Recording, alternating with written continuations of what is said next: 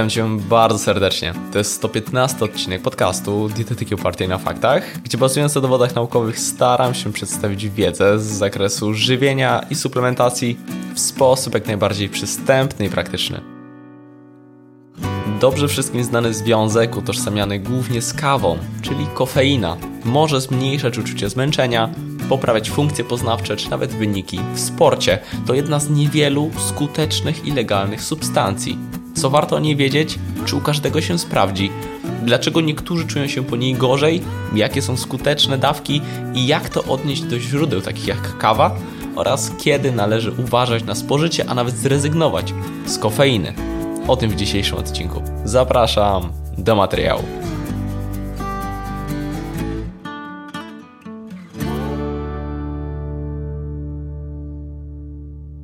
Zacznijmy od tego, jak kofeina działa. Otóż kofeina jest cząsteczką bardzo podobną do innego związku adenozyny. Związek ten po przyłączeniu się do swojego receptora w ośrodkowym układzie nerwowym zwiększa odczuwanie zmęczenia i senności. Kofeina natomiast przez swoje podobieństwo może to przyłączenie blokować, tym samym ograniczając efekt działania adenozyny. Można powiedzieć, że kofeina działa trochę jak taka zaślepka. Ma to też swoje dodatkowe konsekwencje poprzez wpływ na wydzielanie neuroprzekaźników, wpływając na nastrój czy skupienie uwagi.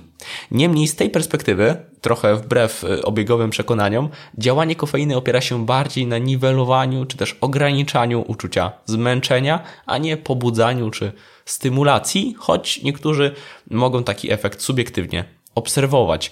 Biorąc e, więc pod uwagę ten e, mechanizm, kofeina sprawdzać się może w naprawdę wielu przypadkach, w najróżniejszych dyscyplinach sportowych, e, przy pracy umysłowej czy konieczności zachowania czujności z różnych przyczyn. Przy takim celowanym podawaniu kofeiny, by zmaksymalizować efekty jej działania, na przykład w sporcie, Rekomendowana dawka wynosi od 3 do 6 mg na kilogram masy ciała. Dla osoby o masie ciała 70 kg to między 210 a 420 mg.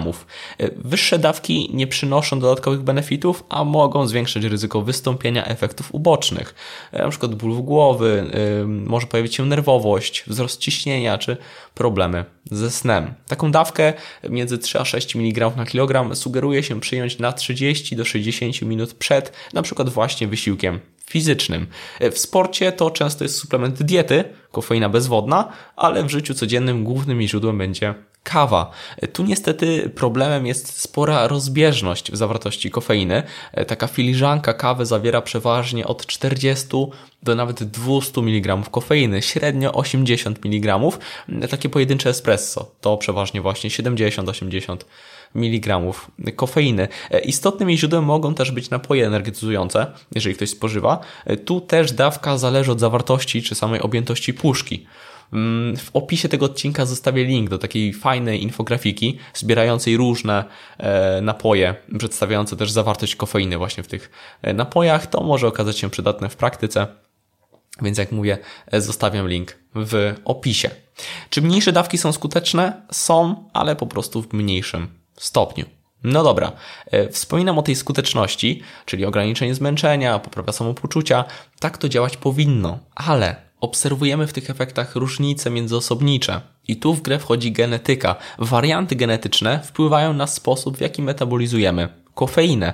Za metabolizm kofeiny odpowiada głównie, uwaga, system oksydazy cytochromowej P450 izoenzym 1A2. Brzmi skomplikowanie, ale e, wspominam o tym nie bez powodu, bo cytochromy P450 to rodzina enzymów, które są odpowiedzialne za około 75% całego metabolizmu leków. Często to P450 gdzieś się przewija w mediach głównego nurtu i sporo osób o tym P450 gdzieś słyszało. Podkreślam to już tutaj, bo do tego jeszcze wrócę. Niemniej, e, zmiany w genie kodującym ten enzym, odpowiedzialnym za metabolizm kofeiny, e, co się obserwuje, prowadzi do różnic. Te różnice obejmują przede wszystkim tempo metabolizmu kofeiny i obecnie już wyróżnia się, dzieli się e, ludzi na tych wolno i szybko metabolizujących kofeinę. Osoby wolno metabolizujące mogą mieć problem z pozbywaniem się kofeiny z organizmu, szczególnie przy dużych dawkach. E, dlatego mogą też niekorzystnie na nią reagować. Może pojawić się m.in. rozdrażnienie, e, bóle głowy, czy ogólnie złe samopoczucie. Z drugiej strony wolniejszy metabolizm kofeiny wydaje się być korzystniejszy, bo efekty samej kofeiny byłyby dłuższe, tyle że niektóre badania wykazały odwrotny efekt. Jednym ze szczególnie ciekawych eksperymentów w tym zakresie, akurat stricte w sporcie, jest praca z roku 2018, w której 101 wyczynowych sportowców płci męskiej z różnych dyscyplin sportowych pokonywało trzykrotnie dystans 10 km na rowerze w jak najkrótszym czasie w odstępie około e, tygodnia każdy. Uczestnikom e, zbadano warianty genetyczne metabolizmu kofeiny właśnie e, i przed wysiłkami podawano różne dawki kofeiny. 0, czyli placebo, 2 i 4 mg na kilogram masy ciała. Co zaobserwowano? Zarówno 2, jak i 4 mg na kilogram masy ciała kofeiny poprawiło czas jazdy na rowerze, ale tylko u osób szybko metabolizujących kofeinę. Kofeina nie miała wpływu na osobę z genotypem AC, to w tym przypadku heterozygota, czyli y, zróżnicowane allele tego genu. I co najbardziej ciekawe, kofeina w dawce 4 mg na kilogram obniżyła wydajność u osób wolno metabolizujących kofeinę. Takie wyniki sugerują, że genetyka odgrywa tu ogromną rolę, jednak nie wszystkie badania to potwierdzają. Niekiedy nie obserwuje się istotnych różnic między różnymi genotypami. Może to zależeć od dawki, celu przyjmowania, obserwowanych zmiennych, czy też czasu podania, Dużo jeszcze na ten temat nie wiemy. Średnio 40% populacji ogólnej szybko metabolizuje kofeinę, około 50% to heterozygoty, a 10% faktycznie może kofeinę metabolizować wolno. Większość więc na kofeinę powinna reagować dobrze i ogólnie kofeina na przykład w badaniach w sporcie średnio poprawia zdolności wysiłkowe. E, warto jednak wiedzieć, że przez te omówione różnice międzyosobnicze około 1 na 10 osób na kofeinę potencjalnie zareagować może niekorzystnie. Obecnie jednak e, badania genotypu CYP1A2 w kontekście właśnie tego metabolizmu kofeiny, e, bo można to zbadać, choć trochę to kosztuje, nie jest rekomendowane. Zresztą może to nawet zadziałać jako efekt nocebo, bo wmówimy sobie, że reagujemy na kofeinę gorzej. Sugeruje się, aby zwracać uwagę na subiektywne odczucia. Osoby, które po prostu po spożyciu kofeiny czują się źle, czują się rozdrażnione, e, czy czują zmęczenie, prawdopodobnie mogą być w tej grupie osób gorzej metabolizującej kofeinę i potencjalnie warto byłoby z tej kofeiny zrezygnować lub ją ograniczyć. I wcale nie musi to oznaczać rezygnacji ze spożycia kawy, szczególnie jak ktoś ją lubi, lubi jej smak, bo można zwyczajnie zmniejszyć jej moc, e, zmniejszyć e, ilość wypijanej kawy, czy też wybrać kawę bezkofeinową. Odpowiadając więc na pytanie z tytułu, to pierwsza grupa osób, która na kofeinę powinna uważać. Idziemy dalej. Kwestia bezpieczeństwa.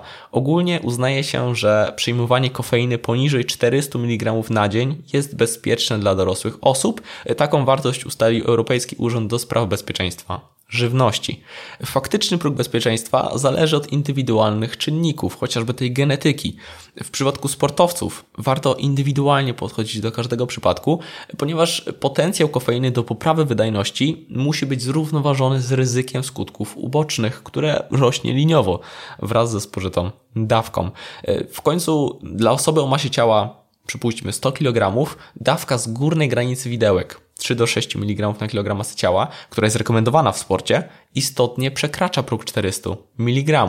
Szczególnie więc, gdy ktoś pierwszy raz planuje włączyć suplementację kofeiną w postaci kapsułki, trzeba na to dawkowanie uważać i ewentualnie testować osobistą tolerancję.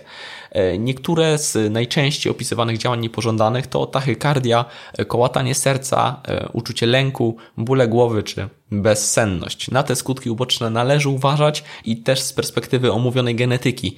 Jeśli ktoś te efekty obserwuje nawet już przy mniejszych dawkach, lepiej zmniejszyć ilości lub zrezygnować z kofeiny.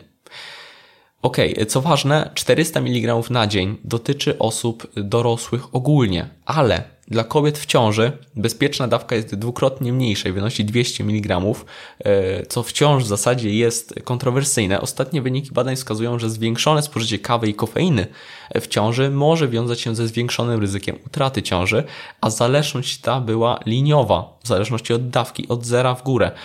100 mg kofeiny dziennie podczas ciąży zwiększało ryzyko utraty ciąży odpowiednio o 14% i 26% na podstawie e, badań kohortowych i badań badań kliniczno-kontrolnych, już cytując wyniki tego badania. Ogólnie więc na kofeinę w ciąży też warto uważać. Oficjalne zalecenia sugerują maks 200 mg na dzień, ale są przesłanki, że im mniej, tym potencjalnie bezpieczniej. Więc y, w ciąży, też zresztą w ciąży też ten metabolizm kofeiny trwa dłużej. To więc druga grupa osób, które na kofeinę uważać powinny. Kolejna grupa to dzieci. U dzieci bezpieczna dawka to 3 mg na kilogram masy ciała. Przy masie ciała 40 kg to 120 mg. Niestety w dobie tak powszechnych napojów energetyzujących bardzo łatwo to przekroczyć, co naraża na konsekwencje zdrowotne. Dzieci powinny na kofeinę uważać i powinniśmy jako osoby dorosłe na to uczulać. Idziemy dalej. E, tu zahaczę najpierw o usuwanie kofeiny z organizmu. Okres połowicznego rozpadu kofeiny, inaczej e, okres półtrwania, czyli taki czas, e, w którym stężenie we krwi zmniejszy się do połowy wartości maksymalnej. To taki najpowszechniejszy parametr do oceny szybkości eliminacji danej substancji. E, więc okres półtrwania kofeiny wynosi około 3 do 6 godzin u osób dorosłych, przy czym jest prawie dwukrotnie dłuższy u osób niespożywających w porównaniu z tymi, którzy spożywają duże ilości kofeiny. Co więcej, jest szereg dodatkowych czynników, które na ten czas wpływają, ten czas wydłużają lub skracają, na przykład leki, choroby czy nawet żywność. Nie bez powodu wcześniej wspominałem właśnie o tym cytochromie P400 50. Przykładowo, stosowanie doustnych środków antykoncepcyjnych prawie dwukrotnie wydłuża okres półtrwania kofeiny. Spożywanie soku grejpfrutowego wydłuża go o ponad 30%, alkohol w ilości 50 gramów na dobę o ponad 70%. Niemniej, to na co chcę zwrócić uwagę, szczególną uwagę, jest ogólnie sporo leków, które wykazują interakcję z kofeiną, szczególnie leki nasercowe oraz duża liczba leków stosowanych w psychiatrii. Jeśli ktoś stosuje takie leki, na kofeinę trzeba uważać, szczególnie na duże ilości. To więc kolejna grupa osób. E, co też ciekawe, palenie papierosów prawie dwukrotnie zwiększa tempo metabolizmu kofeiny e, przez zwiększenie aktywności enzymów wątrobowych. Natomiast po zaprzestaniu palenia tytoniu ciągłe spożywanie kofeiny wiąże się z ponad dwukrotnym wzrostem jej stężenia w osoczu. W jednym z badań, trzy tygodnie po zaprzestaniu palenia i kontynuacji spożywania kofeiny, stężenie kofeiny osiągnęło 203% wartości wyjściowej u osób używających kofeiny. Na to też więc warto zwrócić uwagę. No i ostatni aspekt, który chciałem dzisiaj poruszyć, to aspekt snu. Niestety kofeina wpływa negatywnie na kilka aspektów jakości snu. Biorąc pod uwagę wspomniany okres półtrwania, jeśli kofeinę spożywamy w godzinach dopołudniowych, nie powinno się to odbić na śnie. Jeśli jednak po południu, e, a tym bardziej wieczorem, już może. E, nawet w lutym tego roku pojawiła się obszerna praca w tym zakresie. Wykazano, że spożywanie kofeiny przed snem skraca całkowity czas snu i efektywność snu oraz opóźnia zasypianie i zwiększa wybudzenia po zaśnięciu. Co więcej, zmienia późniejszą architekturę snu, zwiększając częstość występowania snu lekkiego i zmniejszając częstość występowania snu głębokiego. Co też ważne, nie odnotowywano zauważalnego efektu na subiektywne postrzeganie snu, gdy dawka kofeiny została spożyta 6 godzin przed snem, ale zanotowano wpływ na obiektywne parametry snu.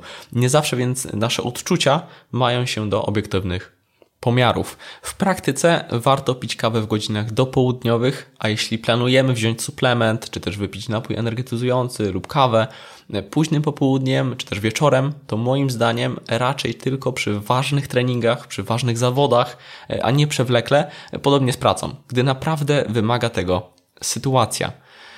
To więc kolejna grupa osób, a może bardziej sytuacja, gdzie na kofeinę warto uważać. No dobra, e, temat kofeiny jest znacznie szerszy, też w związku z kwestią nawykowego spożycia, bo to też e, kontrowersyjne. Być może i ten temat kiedyś poruszę, ale krótko podsumowując dzisiejszy odcinek. Kofeina może pomóc, może zmniejszyć uczucie zmęczenia, może pomóc w pracy umysłowej czy też w sporcie, ale są sytuacje, kiedy trzeba na nią uważać i są osoby, e, które raczej powinny ją ograniczać lub z niej zrezygnować.